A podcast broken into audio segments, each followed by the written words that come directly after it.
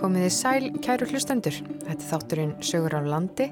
Þáttur þar sem flakkaður um landið, sögur úr samfélaginu reyfiðar upp og fréttamál líðandi stundar, skoðuð úr nýjum og oft persónlegum áttum. Ég heiti Gíja Holmgistóttir og með mér í þessum þætti er Ágúst Ólafsson fréttamaður. Í þessum þætti þá munum við huga að útigangsrossum og fræðast eigningum friðað skip sem er í Vestmanni.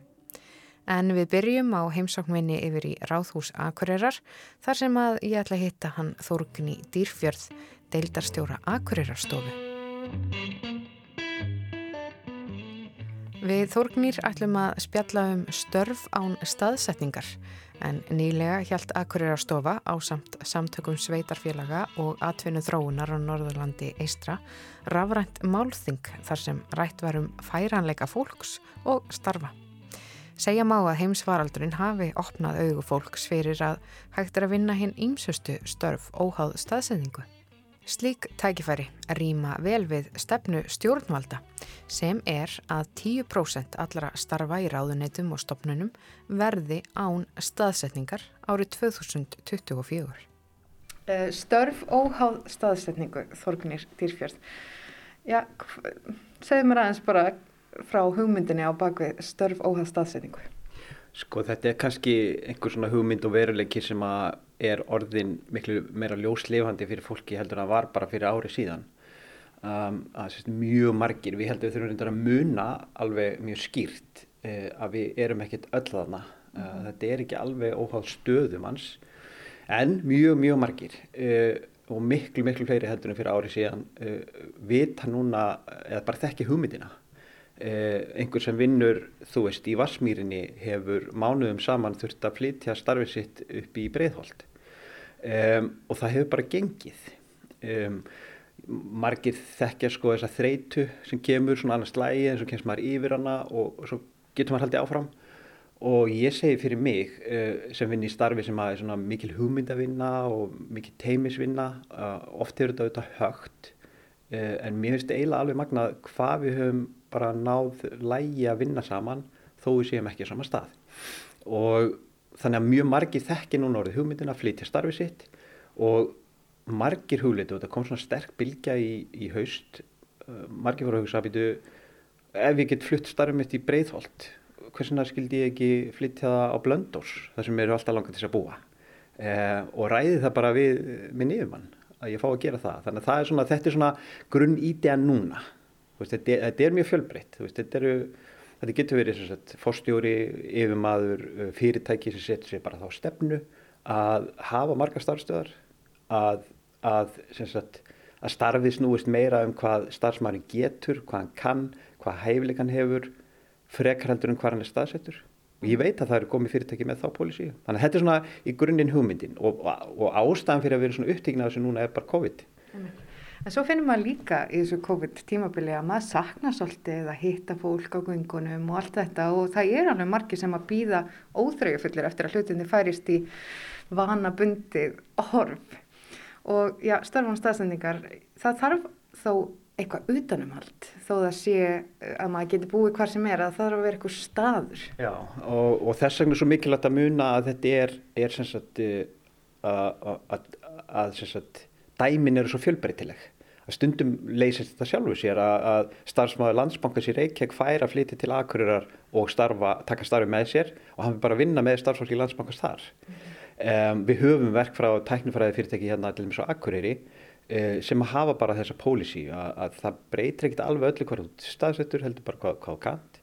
Uh, þannig að þetta er mjög fjölbreytilegt og svo er það flakkarannir. Ja. Það er alveg eintegundi. Það er fólk sem vil fara tímabundi á milli staða. Uh, og það þarf svona stað uh, þar sem að það getur hitt aðra uh, þar sem að þarf ekki að vera einmitt við eldhúsborðið alla daga já. og einhvern veginn já bara einn með sjálfum sér sama með þá sem að fara einir frá stopnun eða fyrirtæki eitthvert annað að það getur breytt öllu að það sé einhver staður þar sem að, þar sem getur, þar sem fólk getur komið saman og unni með öðrum leikt tímabundi skrifborð og við erum aðeins fann að finna fyrir þessu uh, hérna í okkar störfum á Akureyrastofu að það er eftirspiln eftir þessu og ég held að þetta sé eitt af því sem við þurftum að hugla inn á Akureyri hvort að, við, hvort að það eitt ekki með einhvers konar möguleg samstarfi millir engaðal og operaðal að koma einhver svona á, á, á fót. Um, það hefur verið aðstæða sem engaðilar hafa, hafa sko rekið um, fyrir marga of dýr og það má helst ekki vera hindurinn.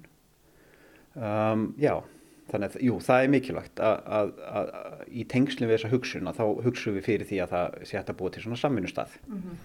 Samvinnustað, þetta er fallet orð, eða svona eitthvað þekkingaklasi eða Já, samveru rými, þetta er svona, hérna, öll sveitafélag ætti kannski að fara að huga þessu, að þetta sé framtíðin í einhverju byggðað þróun.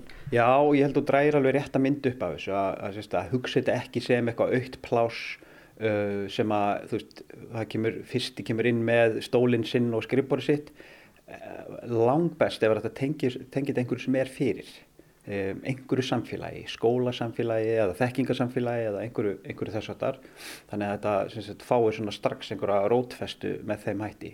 En sko þetta gerist ekki sjálfur sér. Um, mér finnst stundum að engaðalarnir séu allavega að maður þekki dæmið sem engaðalar eru bara einfallega lengra komnir í þessari hugsun eins og nefndi dæmið þessari verkfræðistofi sem er hérna á Akureyri og það er fleiri neinn um, að ákveða bara sérst, fyrirfram að þetta skipti ekki máli, að þetta sé ekki hindrun um, og þetta geti verið bara spurningu lífstíl og hamingju starfsmannsins uh, að hann fái að gera svona hluti. Uh, þannig ég er og við erum rosa áhuga sem um að, að fólk láta á þetta reyna. Veist, það kostar ekkert að rölda til um að sér spyrja, heyrðu, þú veist að mér er alltaf langað til að flytja til ofnafjörðar eða þú veist að ég er akkurýringur, ég elska akkurýri og hérna, þú veist er þetta ekki möguleiki? Já. bara eins og fólk hefur verið að gera, það fær svona vildar humdur eins og fá að búa á spáni í eitt ár Amen. og vinna þaðan og það er ótrúlega oft sem er að leysa það og kannski snýst þetta bara um að prófa hlutin í eitt ár veist, um, vera á akkurýri í eitt ár og sjá til uh, og bara fá til þess séns þannig að, þannig að þetta verður kannski svona meira svona eðlilegri hlut að því hvernig við hugsum okkar svona vinnu tilveru uh, frekaraldurinn að vera eitthvað átak eða eitthvað uppbygging eða eitthvað. Um, við sem erum að tala um þetta svona utan að landi, við erum auðvitað að hugsa okkur. Þetta gildir í allar áttir, við þurfum að muna það. Það getur alveg verið þannig einhver sem, að, sem, sem er að flytja til Reykjavík og vilja vinna áfram aðkurýri þannig að við þurfum að muna það. En við erum samt, við erum samt auðvitað að hugsa um þetta sem einhvers konar leið til að jafna stöðuna millir höfuborgarsveðis og landsbyðar að reyna að breyta ströminum aðeins af því að það er svona segull, stóri segullin í Reykjavík er svolítið autopilot. Og þess vegna, segja þú veist það getur þurft átak, það getur þurft hugrekki til þess að snúa þessu. Já, svo já þið helduð málþing um þetta akkurat störf óhagð staðsendingu og þið er líka búin að vera með svona podcast eða hlaðvarp um það sem ég ræði við fólk sem hafa hafið akkurat reynslu af þessu. Hvað hefur svona komið þér mest á óvart eða fundur skemmtilegt úr þessum, úr þessum viðtölum við fólk sem hefur uh, þessa konkrétt reynslu að hafa fært störfin sín og starfa óháð staðsetningu? Uh, ég held uh, að ég veri bara viðukenna. Þú veist og það segir bara kannski svolítið um staðin sem við erum á. Ég held ég veri bara viðukenna pínlítið að kannski komir óvart hvað þetta gengur vel. Hvað, hvað marga sögurnar eru um hvað þetta er ekkert mál. Mm. og hérna, ég minna við höfum hérna á ekkurri dæmi og einmitt eitt við talið við var við starfsmann uh, hjá alþjóðlegu tölvufyrirtæki sem vinnur út um allan heim. Og, og hér hafa verið starfsmenn þess fyrirtækis árum saman að vinna í alþjóðlegu samstarfi. Og það einhvern veginn bara er ekkert mál. Og það er kannski það sko sem hefur runnið upp fyrir manni að þetta er ekki eitthvað sem að við ættum endilega að vera að býða eftir sem einhverju framtíð heldur að skilja að við getum breytt núna. Og það er alveg rosalega mikil þörf á því að, að við hugsum einhvern veginn jafnvægið í samfélaginu okkar upp á nýtt. Að, að, að við áttum okkar á því að við erum smá saman að sógast í að verða að einhvers konar borgríki. Um, og við verðum einhvern veginn að horfast í augu og bara spurja hérna viljum við ekki alveg örgla hérna, breyta þessu, viljum við ekki örglega hafa þetta fjölbreytara uh, og það eru svo marga leiðir. Og ég var aðeins verið að hugsa um þessu óperastofnanir, hvort að það er eftir sumarkverjar allavega. Uh, reynilega að vera skildar til þess að vera með starfstöðar á, á fleiri stöðum. Um, og þá þarf að hugsa að, þær starfstöðar séu ákveðin lámark stærð um, það er ákveðin tilning til að segja frekar upp eða skýra fara niður í starfsemili sem er langt frá þér uh, sem þú sérði ekki daglega dags og, og þá getur þurft einhverju svona klemmu. Já, síðan er líka bara erfitt að vera starfsmæður á lítilli starfstöð. Það getur verið, uh, það getur verið flókið.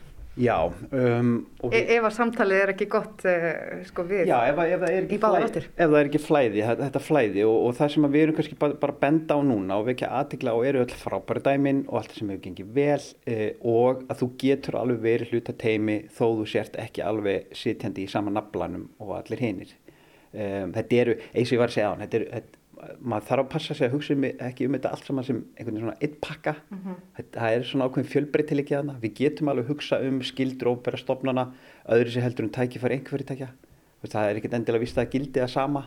En svona þessi krítiski massi til þess að byggja upp þekkingu til þess að byggja upp teimi og svo framvegis um, það er held ég eitthvað sem maður þarf að hugsa líkum þegar við erum að hugsa um ríkið og óbæra stofnanir alveg klárlega. Já. Eru þið hjá Akureyrastofu byrjuð að kortlega geta miklu skipulegar heldur en áður, einhvern veginn að opnaðast uh, ný sín líka hjá ykkur á þessu COVID? Já, við ákvaðum einhvern veginn að býða ekkert, heldur bara uh, allan hefja leika svona með þessum hætti að vekja aðtikla á því að framtíðinu núna. Mm -hmm. um, uh, sem sagt án þess endilega að að koma með einhverja rosalega stefnu og, og aðgera hlutu margar ára, bara að, heyrðu, þetta er eitthvað sem við getum bara byrjað að tala um. En við erum líka farin að hugsa okkur okay, hvað eru þá hvað væri svona skinsamlega næstu skref og ég held að þetta með svona opna vinnuafstöðu, uh, vinnurými sem eru bara opinn og þú getur lekt inn tímabundi eða til lengri tíma eh, sé eitthvað sem að væri áræðanlega hérna, snjált næsta skref.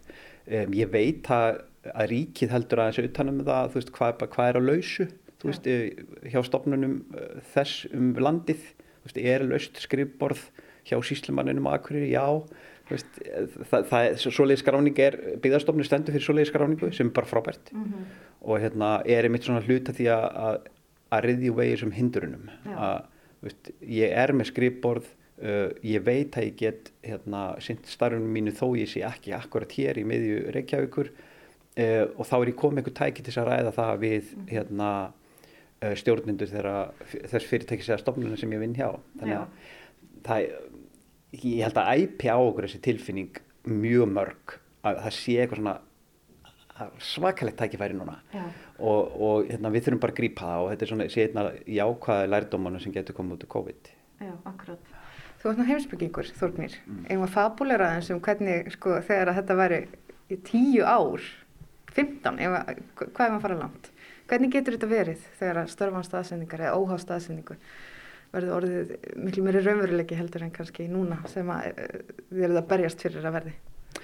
Um, ég held ég held að ef að það tækist rosalega vel uh, og þetta er svona þróun sem að er því án þvingana og þetta er svona bara hluta því hvernig við hugsaum lífið þá gæti þetta hreinlega bætt lífskeiði uh, mjög mikið bara í samfélagin okkar um, og ég held að sé öllum til hagspóta að við, við hugsaum landi sem heild að þekking reynsla og það getur orðið til reynslubanki víðar heldur en bara akkurat í stóru stóru miðjunni sem eins og ég sagði á hann er svolítið autopilot og við þurfum að, að slóst gegn.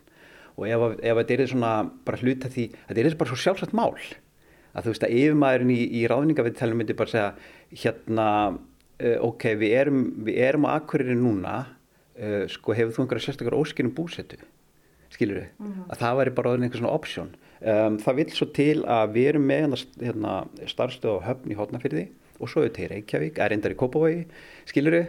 Um, hefur þú hugsað að vera bara hérna áfram eða, eða myndur þú vilja vinna eitthvað annar staðar? Veist, þetta væri geggjað. Um, einhver sem er að ráða mann á Akkurir eða í Kópavogi eða hvað sem er, hann getur bara sagt strax, -huh. Heru, svo erum við með þenn, þennan möguleika. Áttu er einhverja gamla drauma um að búið til landi eða það var einmitt lausplossaða, þú veist um, ég held að það væri veist, þá væri við svona raunverulega farin að hugsa samfélagið okkar uh, með nýjum hætti mm -hmm. og, og nota, veist, það er ekki öll stöður sem hafa þennan svegileika en við værum, að, við værum komin eitthvað þanga að þau sem hafa uh, þennan svegileika að við varum að nýta til fulls um, og ég held já, ég held að þú veist, það væri bara ríkra samfélag, það, það væri rosa töff samfélag. Það væri vissulega mjög töff. Ég hugsaði líka bara um, þú, þú talar um lífstíl og já, þetta getur líka verið bara hvernig fjölskyldan þróast. Maður mm. kannski með þrjú börn mm. og það er mjög stittra að skulla á leikskóla og eskifriði heldur en ef maður býr í Kópavogi mm. eða Hafnarferði eða á þeim stöðum, það tekur allt minni tíma, alla tómstundur eru nær, síðan getur við skiptum skoðun og flutt. Já, ég veit þá og það er sko við vorum með fyrirtækjaþing fyrir einhverjum tömu vikum síðan og þar voru svona aðeins að greina bara stöðun okkar en hérna á akkurir og svona hvað getur mögulega verið samkynnsforskot fyrir okkur og svona. Og það sem stóð upp á öllum var bara þú græði tíma um, bara það að vera með börnin hérna og þetta vita mjög margir. En segja bara, veistu það, ég myndi vera lungu fluttu til akkurir að bara ég fengi vinnu sem mér langaði til að vinna. Og hérna og eitt sæði sem ég fannst alveg frábært þegar við vorum að greina þetta, hann fór, svo, hann fór eitthvað svo djúft uh, og í semst hópi sem ég fekk hlusta á, hérna, á fyrirtækithinginu hann segir, heyrðu þetta er ekkert flókið. Það er bara betra að einbytta sér á Akureyri. Hann hafði þessa reynsli, hann hafði þessi rekið samskonu fyrirtæki í Reykjavík og hann rekur núna hérna á Akureyri. Þú bara, bara einbyttiði betur, þannig að það er alls konar svona eh, og ég menna sumi vilja búa í borg og vera í miðjunni og, og yðunni, aðri vilja vera hérna veginn, í róleiri kringustæðum um, og yfirveðari kringustæðum og þannig er einhver tækifæri og, og, hérna, og ég held að þetta á að tengja þetta við lífstíl um, uh, er eitthvað sem við getum alveg, alveg klárlega að hugsa á okkur. Og við erum með svona markkóp sem er ekkert rosalega vel skilgrindur uh, á akkurarstofu en ég held ég get alveg sagt það hérna, ég get ljóstariði upp uh, sem heitir einfallega Elskuðar akkurirar Já, Elskuðar akkurirar Já og, hérna, og það er svona þessi hópi sem við finnum fyrir mjög stert um, að er með uh, akkurýri mjög svona stert í huganum. Mm. um, við sjáum þetta, eru byrtumfallega myndir um, þeir, og þetta er fólk sem er mjög mikið að fylgjast með okkur. Og svona eldir okkur pínlítið og í þeim hópi vitum við einfallega að er fólk sem að já gæti, orðum að ekkert sterkar en það, gæti mjög vel hugsa sér að koma og vera með okkur ef það fengi starfi hæfi. Þetta er svona hindrun sem kemur ótrúlega oft. Fólk veit af öllum lífsgjafun, það veit af vegalendunum, það veit af skólunum og, og hérna, leikskólunum sem eru frábærir. Um, veitum alla kostina en segir bara ég er í starfi sem mér líkar, þar sem ég er að byggja upp minn, hérna, um, upp minn feril og uh, ég myndi koma ef ég geti haldið áfram. Uh, ekki spurning. Og þess vegna erum við að horfa á þetta, þess vegna erum við að horfa á þessa möguleika. Er ekki senst að þú komið bara Erstu ekki til að prófa bara í tvö ár? Og, og núna kunnum við þetta og það er bara það sem við erum benda á. Veist, eh, þetta er búið að vera þarna lengi en núna kunnum við þetta miklu, miklu fleiri heldur en við gerum áður og eigum ekki að kíkja hvort að það sé einhver, einhver færi einhver ný tækifæri. Þetta er spennandi framtíðarsýn. Takk fyrir spjallið um störf óháð staðsendingu. Þórgnir Dýrfjörð hjá Akureyjarstofi. Takk fyrir. Frá Akureyjarstofu höldum við til Vestmanæja. Við ætlum að forvitnast um skipið Blátind Vaff E21, eina vélbátin sem er eftir af þeim bátum sem smíðaður voru í eigum á fyrri hluta 20. aldar. Og ég var nú lengi verið mikill báta áhuga maður, eins og vinnu mínu segja bátaperri, ég veit allt um báta, hvað er númer og bla bla og, og alveg báta, ég stúdur að þetta bara fá því að krakki og hérna látind vera smá tengdu mér það var langaður minn sem að smíða hann á sem tíma. Við erum komin í samband við vestmanneyingin Tryggva Sigursson, fyrirverandi vélstjóra og núverandi hafnarvörð og bátamódelsmið.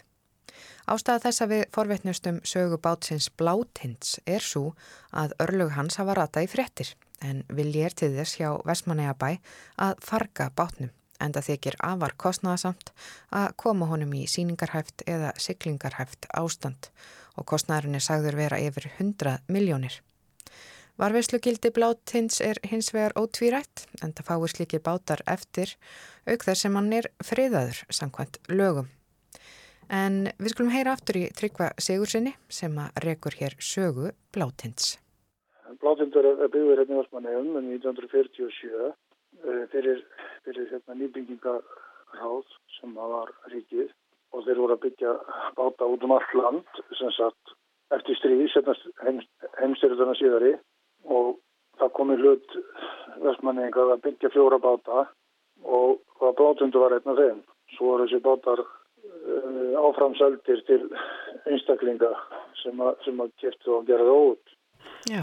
en það voru byggðið bátar sagt, fyrir það nýsköpunar á út um all land og flestir notuðust við svokallar uh, landsmiðu báttekningar eða landsmiðu bátutekningar sem voru tveimur starfum og þeir voru byggðið víða Siglufjörði, Norrfjörði, Sveðisverði, Reykjavík og, og Akureyri er líka, ekki viss samt um Akureyri en, en þeir voru byggðið við það. En, en vestmanningarnir vildi ekki þessar tekningur og vildi byggja báta fyrir þá eftir sínum eigin tekningum sem var, var, var og gert en, og, og, þarlegandi er Blátindur, hann er, hann er mjög hérna vestmannísku bátur sem sagt í, í, í, í lögun. Vestmanníja voru stæsta vestur landsins áratugum saman.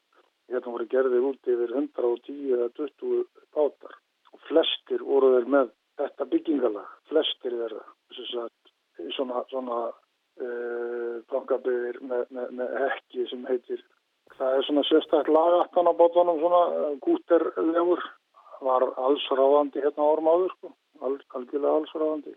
Og hann er nú held ég þá síðasti á landinu með hekki, fyrir utan að það er einn inn í inn í hérna, hildasafninu á Sillubyrði týr, hann er með svona hekki líka.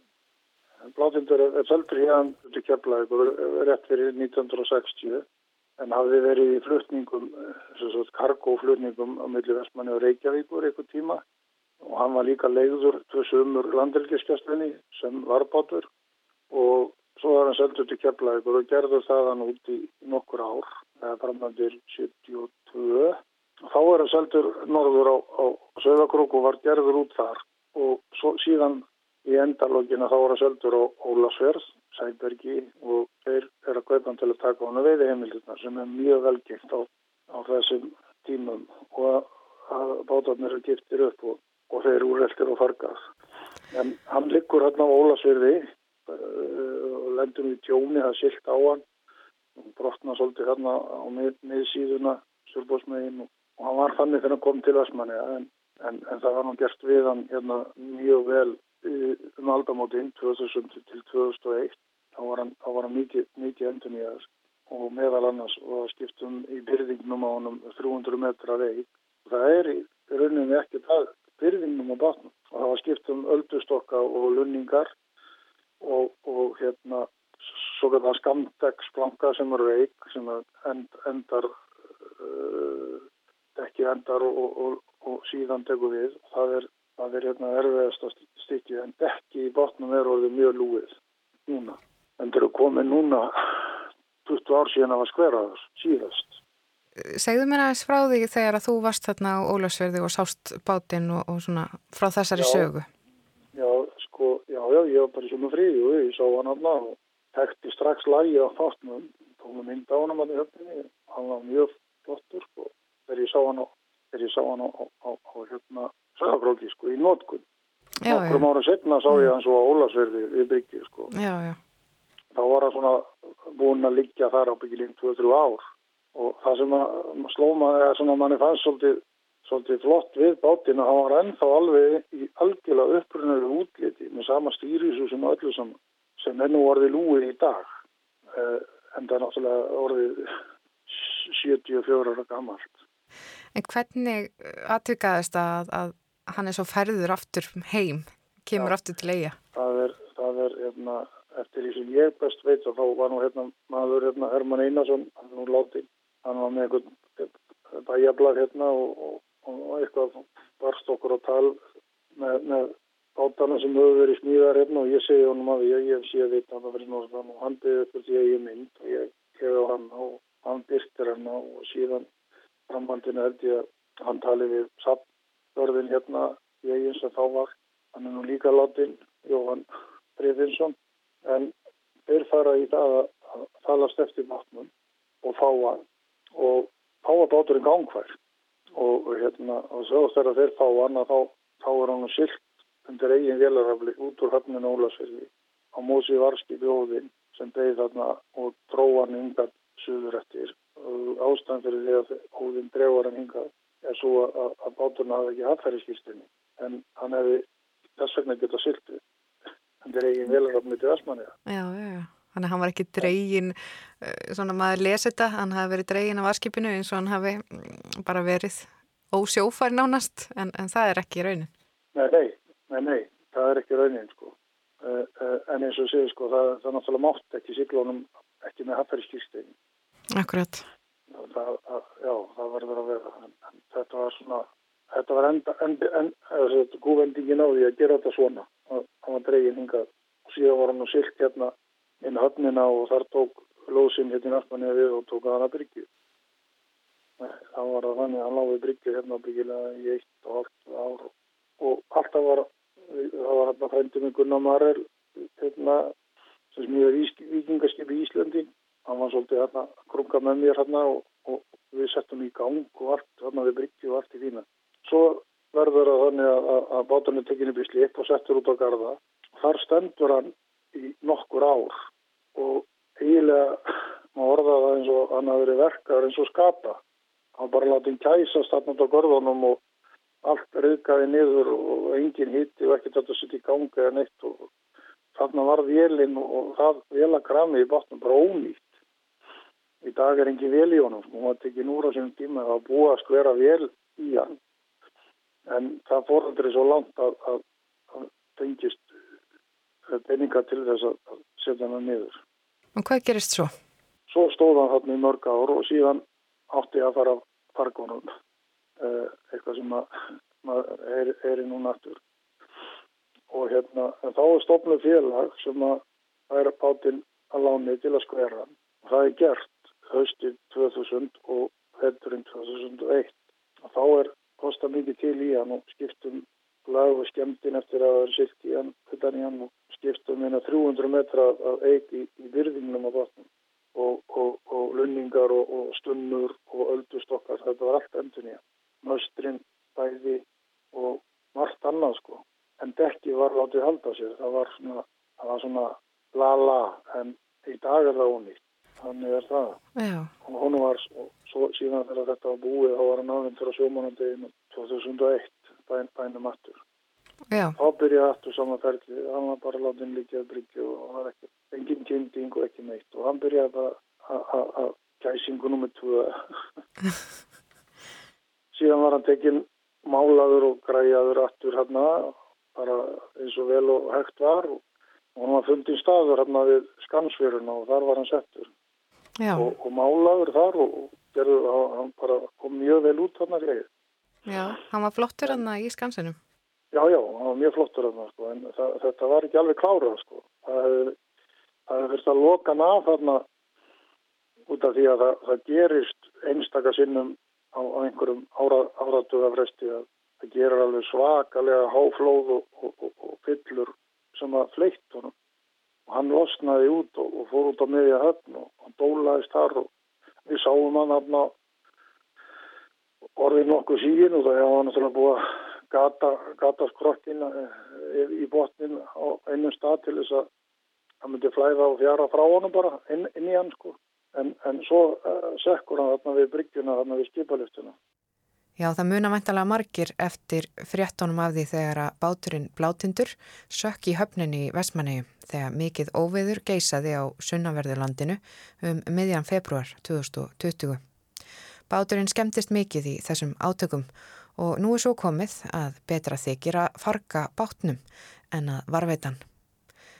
En það eru auðvitað skipta skoðanir á því. Við skulum næst heyra í Helga Mána Sigursinni, formanni sambands íslenskra sjómannissamna, en sambandi hefur sendt frá sér álygtun þar sem hvattir til þess að blátindi sé bjargað. Ég hafði komið þarna árið áður og sá hann þarna við skansinn og hérna hann leit mér vel út og var á svona flottum stað, fallegu umhverfi, en ég sá að hann var ekkert á tröstum stað. Hann er þarna fremst og yst og, og hérna það var ekki tilvíðin að, að hann bara skólaðist í burtu til til að eða bara fyrir eitthvað fljótt en hérna, júi, þetta var náttúrulega mjög mjög hérna óskemmtilegt að horfa upp á þetta. Bátara þessari gerð þeir eru að týna tölunni svo rætt og, og það er svo lítið gert til að varvita þá. Þeim er stilt upp í svona hér og þar á landinu svona verkjaða bátum 50 til 100 tonna í Keflavík, Hátnafyrði, Eskifyrði og viðar þeir bara standa, standa út og er að fúna og, munu hverfa sko á næstu 10-15 árum nema eitthvað sem gerst. Það er svona bestu kostinir í bátaðarvislu annars verið að setja undir þak inn í hús eða þá setja á flott og, og, og, og nota á. Bátavarvesla heyrir undir Minjastofnun Íslands þar sem skip og bátar frá því fyrir 1950 teljast til forngripa og eru því sjálfkrafa fríðuð. En Helgi segir þó að Minjastofnun geti gert betur þegar kemur að bátavarveslu. Bátavarvesla er komið og skamt á veg á Íslandi og það kemur meðlans fram í því að það er, á Minjastofnun er sennilega engin kunnáttu maður um bátavarveslu. Það eru nokkur arkitektar og forlega fengar en ég held að sé enginn sem hefur kynnt sér bátavarvislu sérstaklega og til dæmis þá er eftir, engin eftirfylgni sko. Það er verið að, að setja styrki í báta og hér og þar nokkra miljónir ári en það er engin ekkert eftirlit með því hvað er, hvort því er fráfyllt, hvort það er notað það er náttúrulega ræðilegt að gera kröfur til þeirra sem fá styrkja þessu vel nýttir og, og bátarnir er hérna þá eðlulega umhyrðu viðhald. Ég kannast ekki við að sé neinn svona skip, neitt skipflegt eftirlit sem er í Nóri og Danmark og Sýþjóðum. Eins og framkom áðan teljast skipabátar frá því fyrir 1950 til forgripa og eru því sjálfkrafa friðuð, sökum aldurs. En að helga mati mætti vel endurskoða þetta ártal. Líftími báta er talsvett styrtri heldur en húsa gerðan. Svo leysa að það eru alls ekki margir bátar eldur en 1950 á Íslandi og hérna Er, þetta er umdeild, umdeild ár sko. það er hérna í Noregi til dæmis er talað um 50 ár. Ekki, ekki tiltekið ákveðið ár svo að ég reyna eftir að flytja flytja þetta yfir í 1970 reynslan er að, að bátar endast ekki yfirleitt ekki í 50 ár hvað þá 70 ár.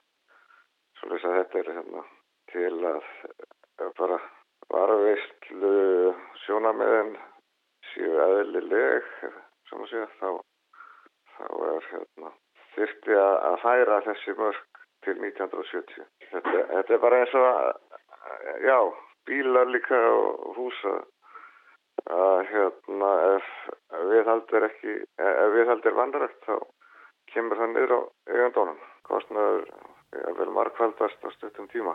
Kostnaður við bátavarvislu er mikill og því skiljalegt að sveitarfélög séu á bremsunni þegar að kemur að slíkri varvislu Helgi bendir þó á að tilsjöfum sér leiðir sem hægt er að fara og lítur til að mynda til Norex og það er nefnilega það er móteli sem er til dæmis í Noregi. Það eru að stopna áhugamannafélögum einstakskip og það er ekki allan menn sem eru komnir á eftirlun eru í, í góða hilsu eins og það er svona drivkrafturinn í bátaðarauðslunni í Núri og þar er hérna eh, bara mjög flottur hlutir að gerast það er Já, það, það er mjög mikil gróska í, í slíkum fjölugum.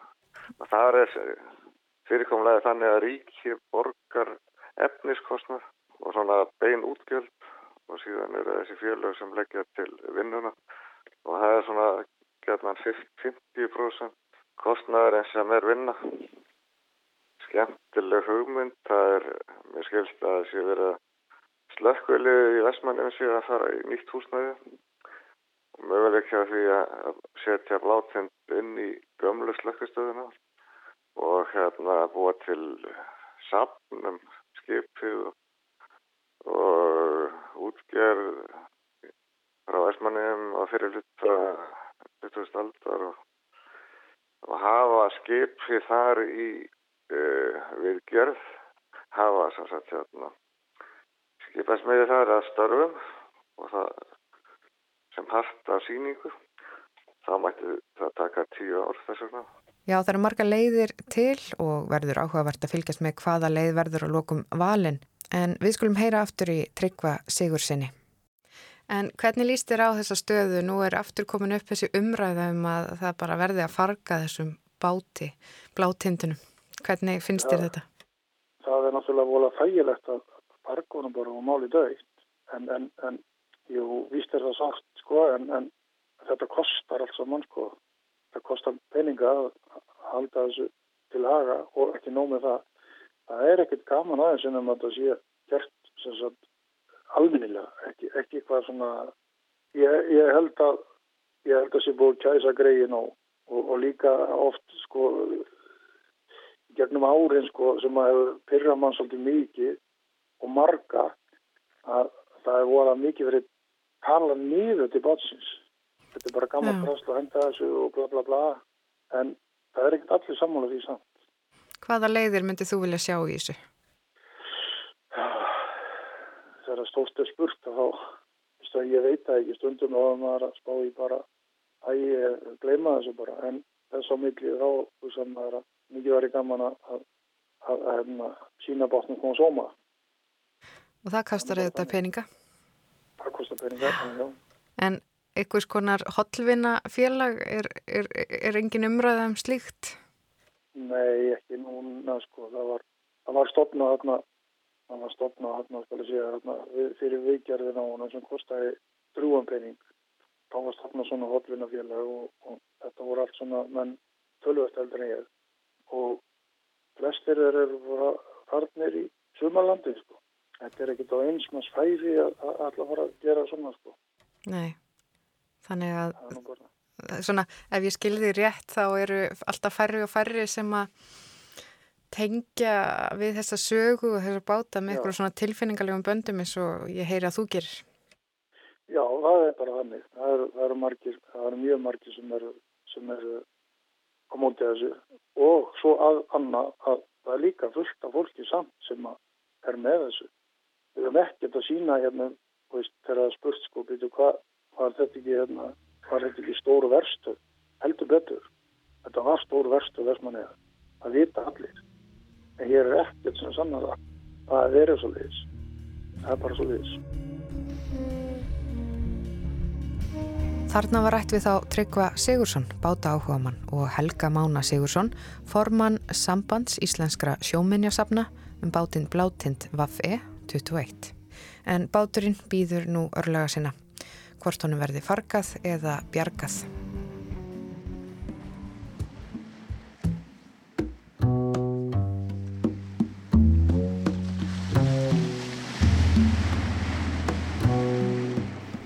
Frá Vestmanauðjum ætlum við í Skagafjörðin. Við hugum nú að aðbúnaði útigangsfrossa. Ágúst Ólofsson ræðir við dýralæknin Sigriði Björnsdóttir í Skagafjörði.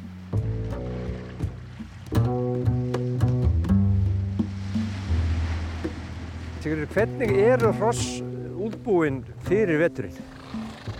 Já, þau eru náttúrulega bara mjög margvíslega útbúinn fyrir að standa af sér vetraveður og algjörlega aðlögað af því. Og það má kannski fyrst nefna feldinn sem er gríðarlega þjættur og tvískiptur.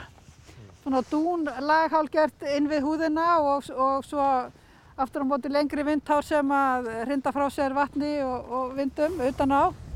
Og svo er húðin hún er sér hönnuð til þess að bara einangra áfram hérna líka maður frá umhverju seitanum og er mjög þykk og það sem hross gera þegar, þegar kólnar í veðri að þá mingar sem sagt blóðrásin til húðarinnar og, og þið sjáu það hérna vel svona allavega stöku fólaldi að, að þau sem sagt þau bræða ekki af sér mm.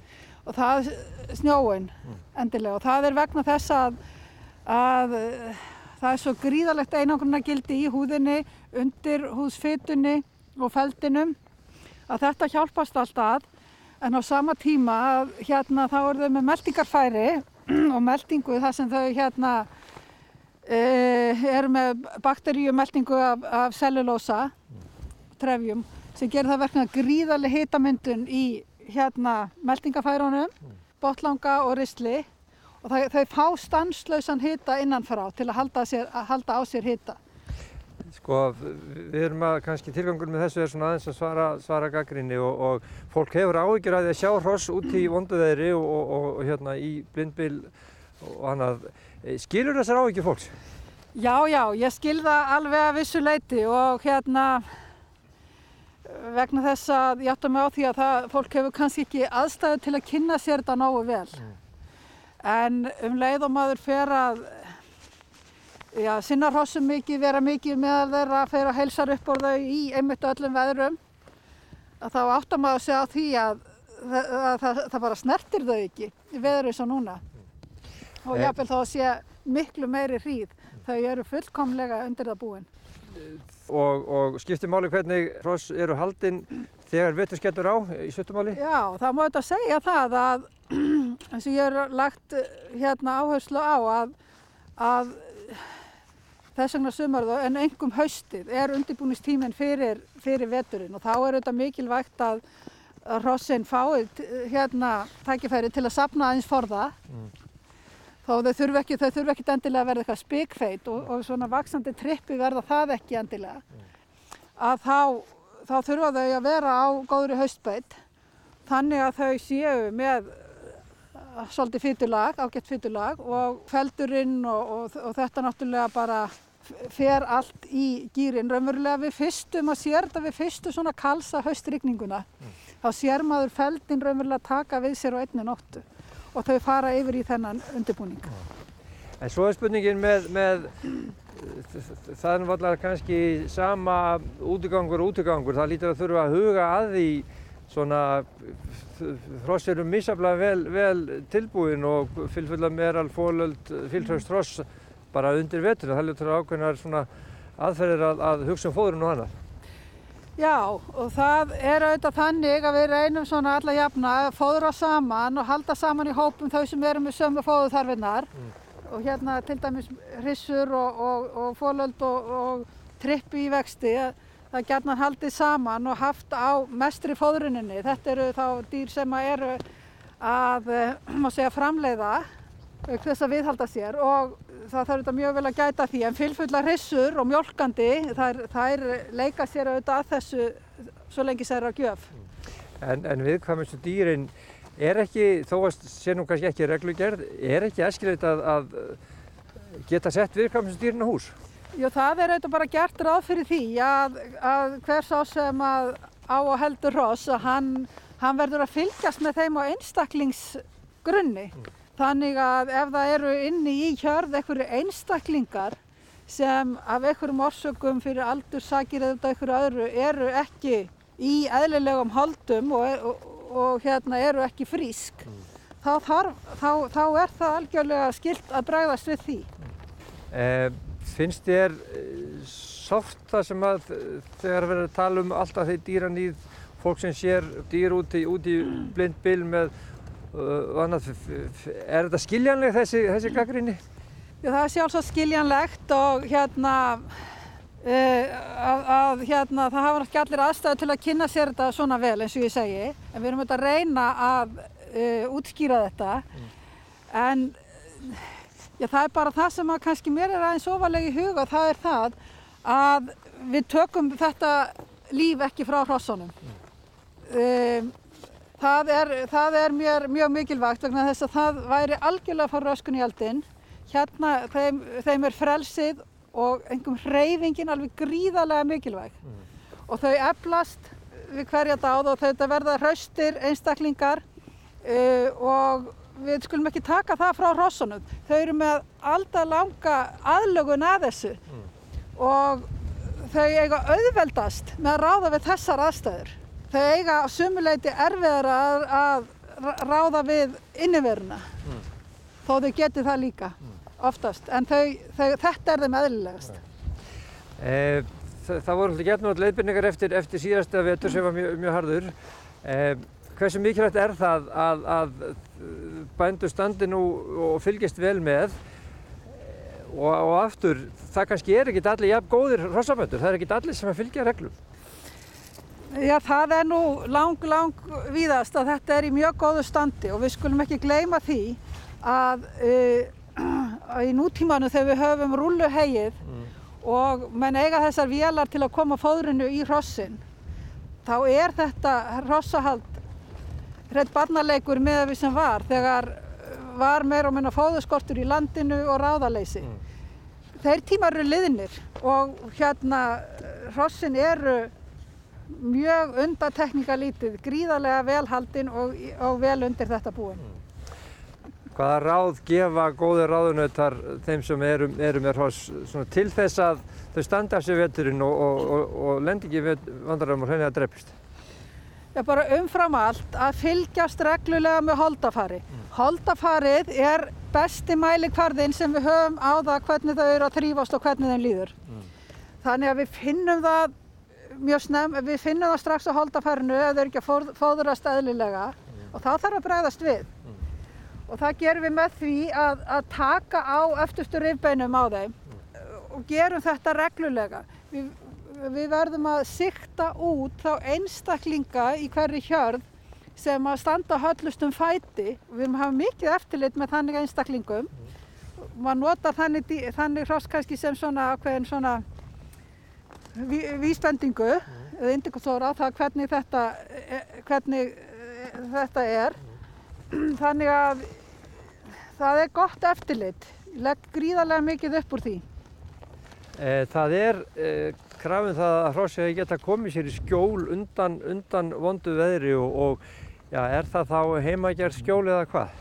Sko það er þannig að það ber að líta sko heilstætt á hjörðina með það að eins og ég rætti á þann þá er kannski mikilvægast að skjólið er innra með þeim mm.